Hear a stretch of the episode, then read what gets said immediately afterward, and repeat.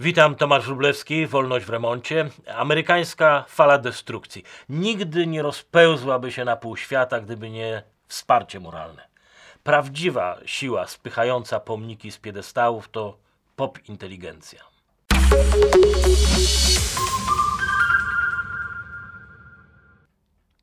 Zamieszki rasowe, burdy etniczne czy bieda rozruchy rzadko kiedy trwają dłużej niż do niedzieli. Dzień trzy, góra, góra cztery.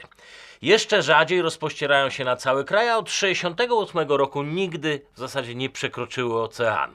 Ale kiedy to już się dzieje, to nigdy nie jest to tylko efekt ludzkiej krzywdy czy ludzkiego zdziczenia. Skądś nadchodzi moralne wsparcie, intelektualna racjonalizacja tej przemocy.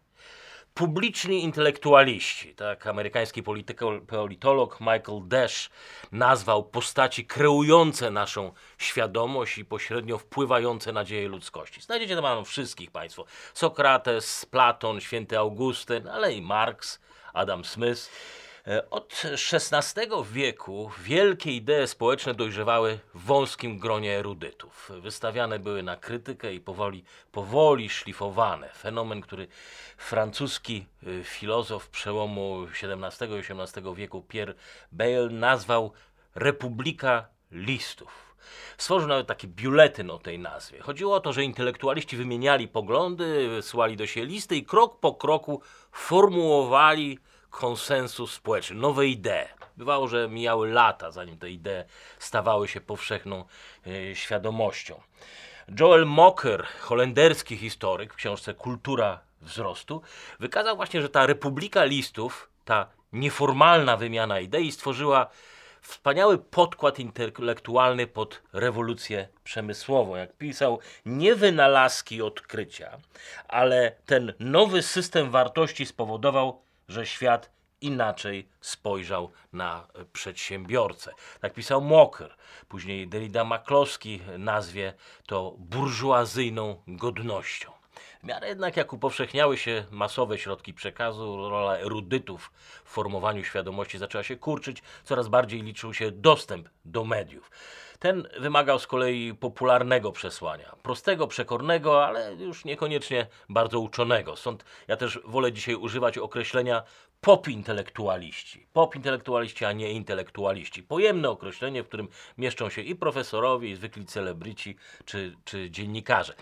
Nie zawsze oni poszerzają nasze horyzonty, czy oferują jakieś nowe, oryginalne przesłania, nawet czasem przeciwnie, bardziej wpisują się w popularny konsensus opakowują go w nowe szaty, najchętniej szokujący sposób je prezentują.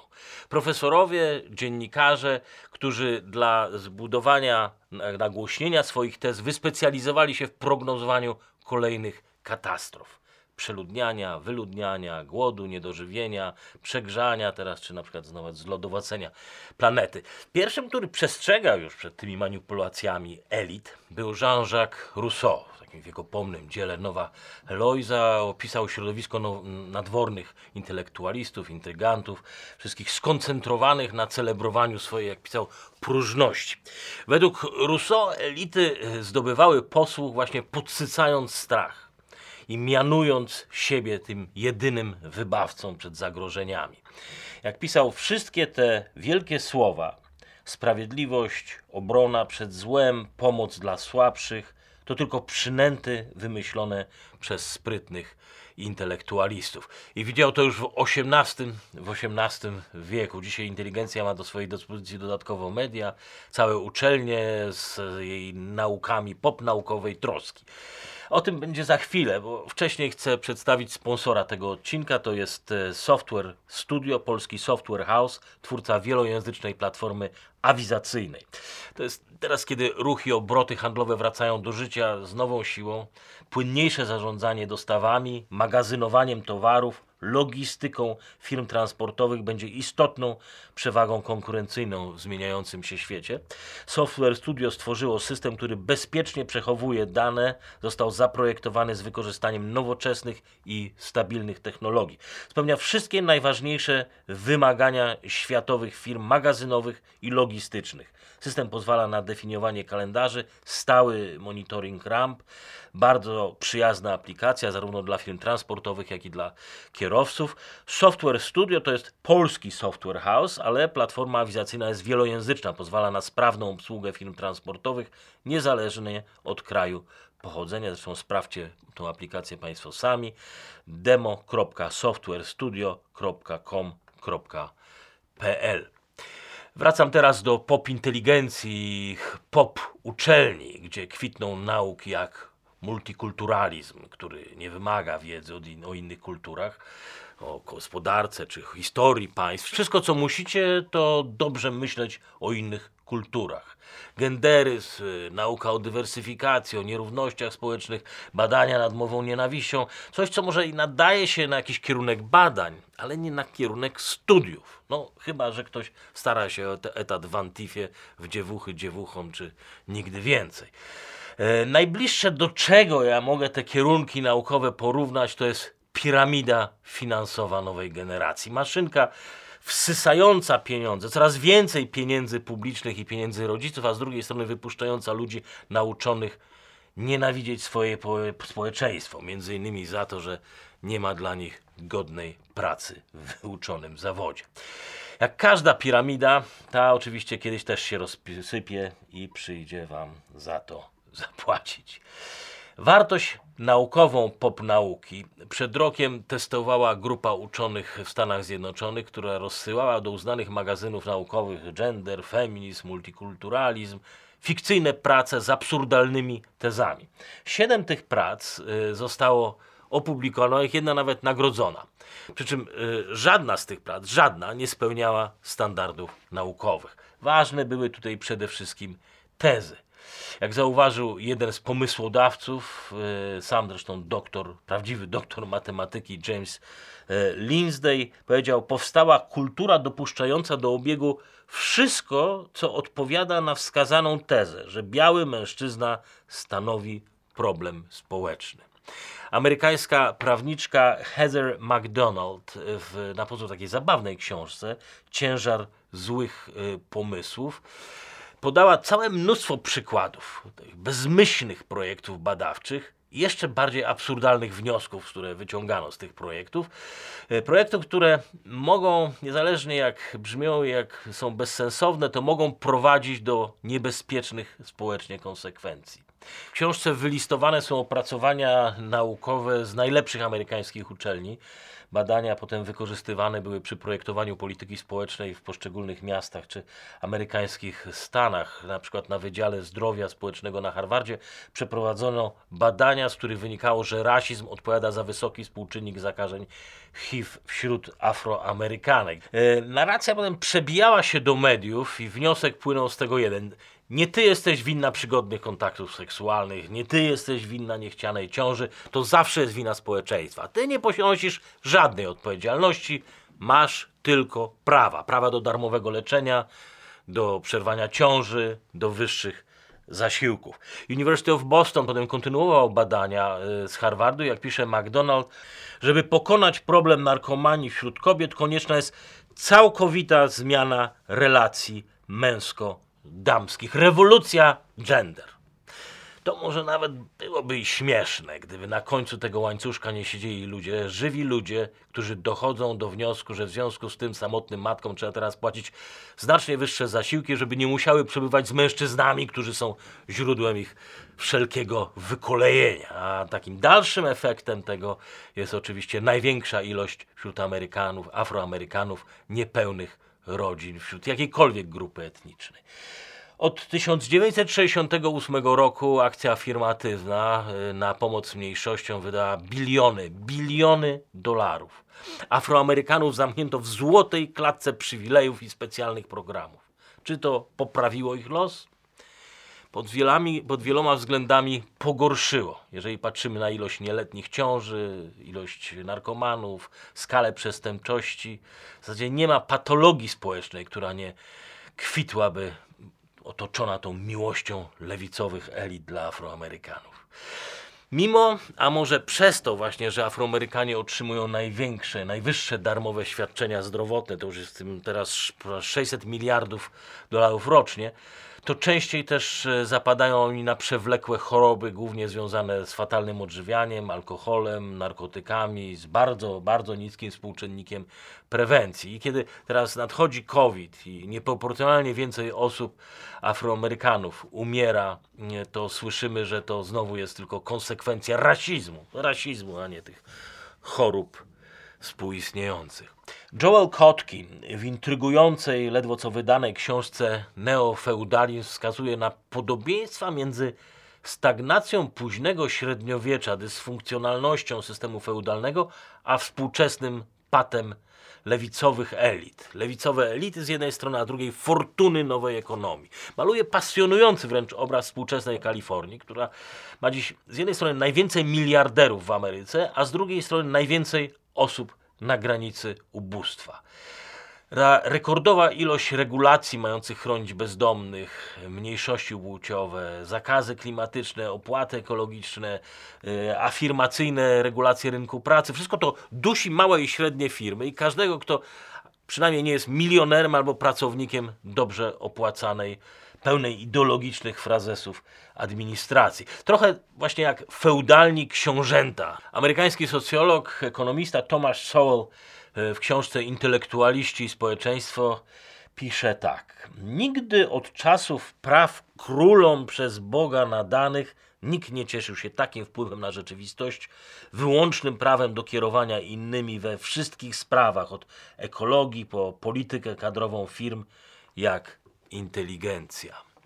To głębokie przekonanie, że elity wiedzą najlepiej i powinny właśnie one decydować o losie innych, nawet wbrew nim samym. Pokonywać nierówności, zrównywać płci, narzucać moralne priorytety dzieciom, choćby i wbrew rodzicom swego czasu doskonale zaadresował to lewicowy autorytet w końcu, profesor Harvardu Ronald Dworkin w książce e, Biorąc prawa poważnie, pisał równe społeczeństwo jest lepszym społeczeństwem, nawet jeżeli jego obywatele nie chcą być równi, pisał e, Dworkin. Amerykański historyk z kolei, filozof idei, Mark Lilla, E, w książce Lekkomyślny umysł, polecam, e, pisze, że większość zła tego świata czyniono właśnie w imię dobrych intencji intelektualistów. Lila prezentuje szereg sylwetek bezdusznych, jak pisze, postaci najnowszej historii, e, które racjonalizowały nawet największe zło dobrem społecznym. Walter Benjamin, e, marksistowski filozof, wielki przyjaciel Lenina, współautor pierwszej sowieckiej encyklopedii, e, on tłumaczył swoim studentom, że obowiązkiem każdego rozumnego człowieka jest pogrzebanie świata stworzonego przez naturę a zadaniem polityki jest dążenie do nihilizmu. Dalej jest y, niemiecki filozof Martin Heidegger, jeden z najwybitniejszych filozofów końca lat dwudziestych poprzedniego wieku. Y, sławna książka Bycie i czas, gdzie proponował nową definicję świadomego istnienia i wszystko byłoby pięknie, gdyby nie to, że w 1931 roku odnalazł to istnienie w nazizmie. Ba, sam prowadził wykłady propagandowe w całych Niemczech, każdy kończąc swoim Heil Hitler. Heidegger, Sartre, Bertrand Russell, trochę jak dzisiejsi intelektualiści, sami siebie malowali na obraz bohaterów. Jak pisał Lila, samotników bohatersko zmagających się z ideologią społeczeństwa burżuazyjnego przeciw tyrańskim systemom, jakie zrodziła Europa, faszyzm i kolonializm. Zmarły przed rokiem amerykański e, profesor węgierskiego pochodzenia Paul Hollander w książce Polityczni pielgrzymi, jak zachodni intelektualiści poszukiwali dobrego społeczeństwa, e, zwrócił uwagę, że zachodnie elity w swoim poszukiwaniu systemu wartości, który swoją uniwersalnością mógłby zastąpić religię, w sposób naturalny lgnęli do totalitarnych ideologii tych silnych dyktatorów. Pierwszy e, tak naprawdę obrazowo to już wyartykułował Voltaire w uniwersalnej historii maniel i ducha narodów. Składał tam peany dosłownie na cześć oświeconych monarchów. Pisał o ludziach, którzy posiadają ogromną władzę, dość władzy, siły, intelektu, żeby odsunąć na bok wszystkich możnych, przede wszystkim kler, a intelektualistów uczynić ministrami, którą będą nieśli postęp. Kiedy w 1972 roku Jean-Paul Sartre zakłada własną gazetę, nazywa ją Libération, wyzwolenie. Od czego niby Francja miała się wyzwalać na początku lat 70., bo na pewno nie, nie było żadnego najeźdźcy. Od nędzy, to był jeden z lepszych okresów francuskiego prosperity. Sartre chciał wyzwolić swój kraj od kapitalizmu, od burżuazji, od korumpującego społeczeństwo dobrobytu. I dzisiaj, 50 lat później, francuski ekonomista Alain Finkielkraut mówi, że nową walką, nowym marksizmem jest właśnie antyrasizm. Tak jak intelektualiści innych totalnych idei, tak dzisiejsza inteligencja z antyrasizmu robi nową platformę do oskarżania zachodniej cywilizacji o całe zło. Wszystko, co było złe, to jest teraz antyrasizm. Ale rzecz jest chyba jeszcze bardziej złożona. W równym stopniu dotyczy antyrasizmu, co klimatu czy LGBT, gdzie każdy z tych ruchów razem i każdy oddzielnie wykorzystywany jest jako wehikuł progresywnej strategii do rozbijania tradycyjnej struktury społecznej. Chciałbym tutaj być dobrze zrozumiany. LGBT to oczywiście są ludzie, konkretne osoby, każdy ze swoją osobistą godnością.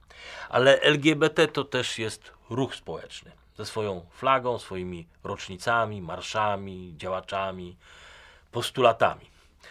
Ja rozumiem uraz na punkcie ideologii, bo zawsze kryje się pod nią jakiś tam polityczny fałsz. Ale osoby LGBT powinny też zrozumieć uraz, jaki ma wiele rodzin hetero na punkcie forsowania na przykład edukacji seksualnej bez nadzoru rodzicielskiego. Na temat zmiany pojęć, które we Francji czy Kanadzie doprowadziły do zakazu używania w szkole tradycyjnego mama, tata. W Hiszpanii oferowanie terapii dla osób chcących powrócić do życia hetero karane, karane jest z urzędu. Skoro miłość nie wyklucza, to też uczucia religijne zasługują na prawo do szacunku, a nie happeningi i przebierane prowokacje. Nie chodzi o godność osób z innymi preferencjami seksualnymi, ale o narrację dzielenia społeczeństwa. To samo dzieje się z ochroną środowiska. Oczywiście, że nie ma nic złego w ochronie środowiska, a trosce o powietrze, walce ze smogiem. Chwała zresztą tym, którzy instalują słoneczne panele czy zbierają deszczówkę, ale wsłuchajcie się w narrację, w to, co usłyszycie za każdym razem, kiedy podnosicie wątek kosztów w ekologii. Zastanawialiście się, dlaczego jeden na przykład z prekursorów polityki klimatycznej, profesor William Nordhaus, jest przeklęty dziś przez klimatystów, bo wykazał, że ograniczenie temperatury Ziemi do 1,5 y, stopnia, 1,5 stopnia powyżej poziomu przedindustrialnego, będzie społecznie kosztowniejsze niż walka z ociepleniem. Filozof e, Cliff Hamilton, taka postać niezwykle wpływowa w środowiskach ekologicznych, twierdzi, że jeżeli w takim razie cena naprawy klimatu jest za wysoka, to znaczy, że trzeba zmienić system gospodarczy.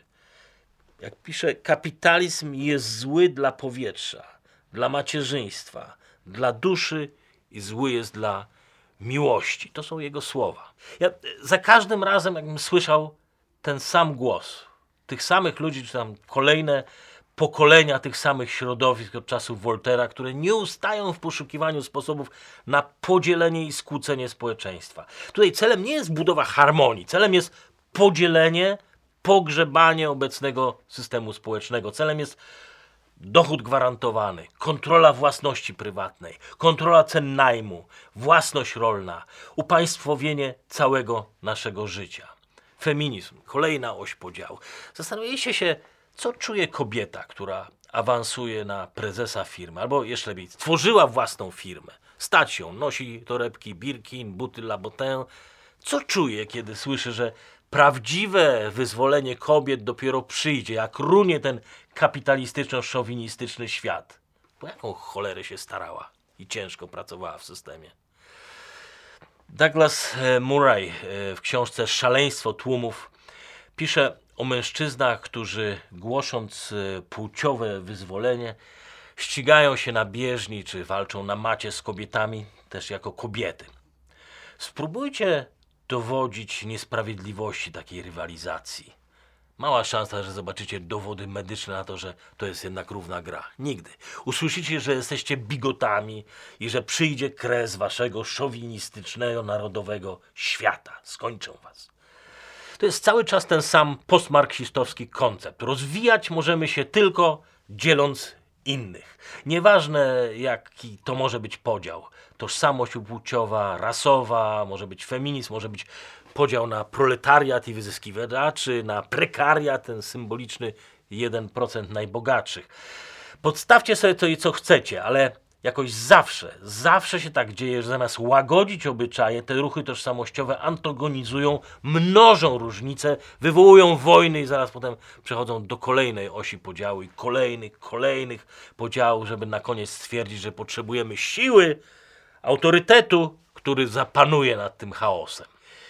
Arthur Schlesinger, baczny obserwator sceny politycznej, doradca Kennedy'ego, Johnsona, autor rozlicznych książek. W książce Dezintegracja Ameryki już w latach 60. pisał, że polityka tożsamości nie jest żadnym lekarstwem na rasizm czy szowinizm i co więcej, lewicowi intelektualiści doskonale to wiedzą. Znają bowiem historię.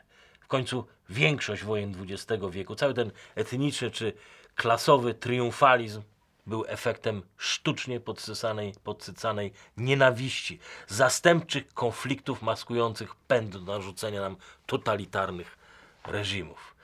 Nieżyjący już amerykański filozof Richard Rorty ukuł koncept językowego konstruktywizmu. To miało oznaczać, że naszą osobowość i nasze miejsca w świecie określa język. W książce y, Osiągnięcie naszego kraju, myśl lewicowa w Ameryce XX wieku, Roty napisał, że obiektywność jest kwestią intersubiektywnego konsensusu między ludźmi. Ja wiem, jak to brzmi, ale nie przypadkiem przywołuję Rotego, bo miał ogromny wpływ na e, lewicową myśl Europy Zachodniej. Chodzi o to, że rzeczywistością jest narracja, na którą wszyscy się zgadzamy. Jeżeli wszyscy przyjmiemy nową narrację, to zmienimy na nowo świat. To oznacza, że jeżeli elity chcą zmieniać świat na lepsze, to muszą przejąć pełną kontrolę nad tym, co ludzie mówią, co ludzie piszą, słyszą i nad tym, co czytają. Jeżeli zmienimy słowa, których używamy na temat mniejszości rasowych, na temat kobiet, gejów, to poprawimy ich los. To jest clue lewicowego myślenia. Stąd na przykład wyrugowanie słowa czarny z amerykańskiego słownika, choć jak mówiliśmy, nie poprawiło losu Afroamerykanów, to otworzyło drogę do nowych narzędzi kontroli społecznych. I widzimy to teraz. Pop intelektualiści zwrócili ostatnio się do wydawcy słownika języka angielskiego Webster, że obecna definicja rasizmu jest zbyt wąska, powiedzieli. Samo powiedzenie, że wszystkie rasy są równe, nie zamyka tematu rasizmu. Nie pozwala na oskarżenie o rasizm za na przykład różnice w wynagrodzeniu. Zmieniając słowa, możemy zmieniać świat.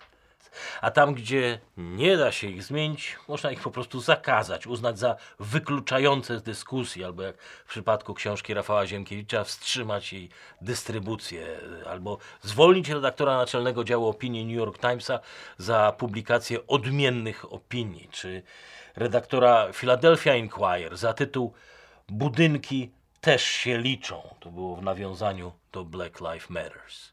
Niemiecka socjolog Elisabeth Newman nazwała to niegdyś spiralą ciszy. Środki masowego przekazu oczywiście kształtują, pisała o opinię publiczną, ale zakres słownictwa i ramy dopuszczalnej argumentacji wytyczają wąskie elity, ci pop intelektualiści, którzy z góry dyskwalifikując niektóre słowa czy zdania, także dyskwalifikują głosy przeciwne, te, których nie akceptują. Jeśli ludzie nie znajdują w masowej komunikacji zwrotów i argumentów, które będą odbiciem ich myślenia, to po prostu siedzą cicho, a ta ich cisza nakręca ciszę, milczenie innych. Po prostu nie wiedzą, jak mówić na tematy dla nich ważne, a inaczej przedstawiane niż robi to pop inteligencja. Po prostu nie mają, nie znają innej narracji niż ta oficjalnie zaakceptowana. Austriacki filozof Karl Popper e, zdefiniował niegdyś otwarte społeczeństwo jako to, które nie tyle toleruje odmienne poglądy, co je za każdym razem respektuje. I w tym sensie lewicowy liberalizm i jego popinteligencja zniszczył ideę, ideę otwartego społeczeństwa. Stał się dyktatem uprzywilejowanej elity głoszącej swoje własne prawdy w imię swoich własnych wyższych wartości.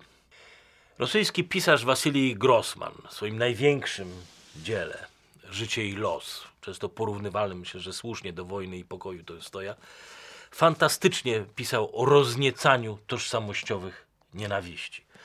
Właśnie w takiej atmosferze pisał, atmosferze wstrętu i nienawiści przeprowadzono likwidację ukraińskich i białoruskich Żydów. W swoim czasie na tej samej ziemi Stalin zmobilizował i rozpalił gniew mas, by zlikwidować kułactwo. Praktyka wykazała, że podczas takich kampanii duża część ludności jest jak zahipnotyzowana, wykonuje posłusznie wszystkie kolejne polecenia władz. Prawdziwym zagrożeniem dla wolności nie są nieliczni już konserwatywni intelektualiści, których wkład w proces edukacji czy konstruowania prawa jest dzisiaj marginalny. Prawdziwym zagrożeniem jest intelektualna lewica i te wielkie społeczne misje naprawy świata. Jak pisał Grossman, jedynym prawdziwym, trwałym sensem walki o życie jesteś ty. Nie jakaś sprawa, ale ty jako konkretna jednostka. Tylko to ma sens. Na pewno większy ma sens niż racjonalizowanie rabunków, napadów, podpalania miasta walką o jakąś równość czy wolność majątkową. Żadne słowo nie jest tak obelżywe jak odbieranie jednostce prawa do, do jej wypowiadania. Żadna historyczna postać nie wyrządzi wam więcej złego niż wszyscy najbardziej prawi ludzie, którzy zakazują jej pamięci. Tak łatwo bala się pomniki, tak ciężko będzie na nowo poskładać świat, który ci ludzie z piedestałów formowali przez stulecia. Serdecznie wszystkim dziękuję też za wsparcie, które otrzymaliśmy. Mamy jeszcze kilka kubków, informacje w opisie pod filmem, a ja zapraszam już na kolejny odcinek Wolności w Remoncie na kanale Warsaw Enterprise Institute, a w wersji audio w Spotify i w podcastach iTunes.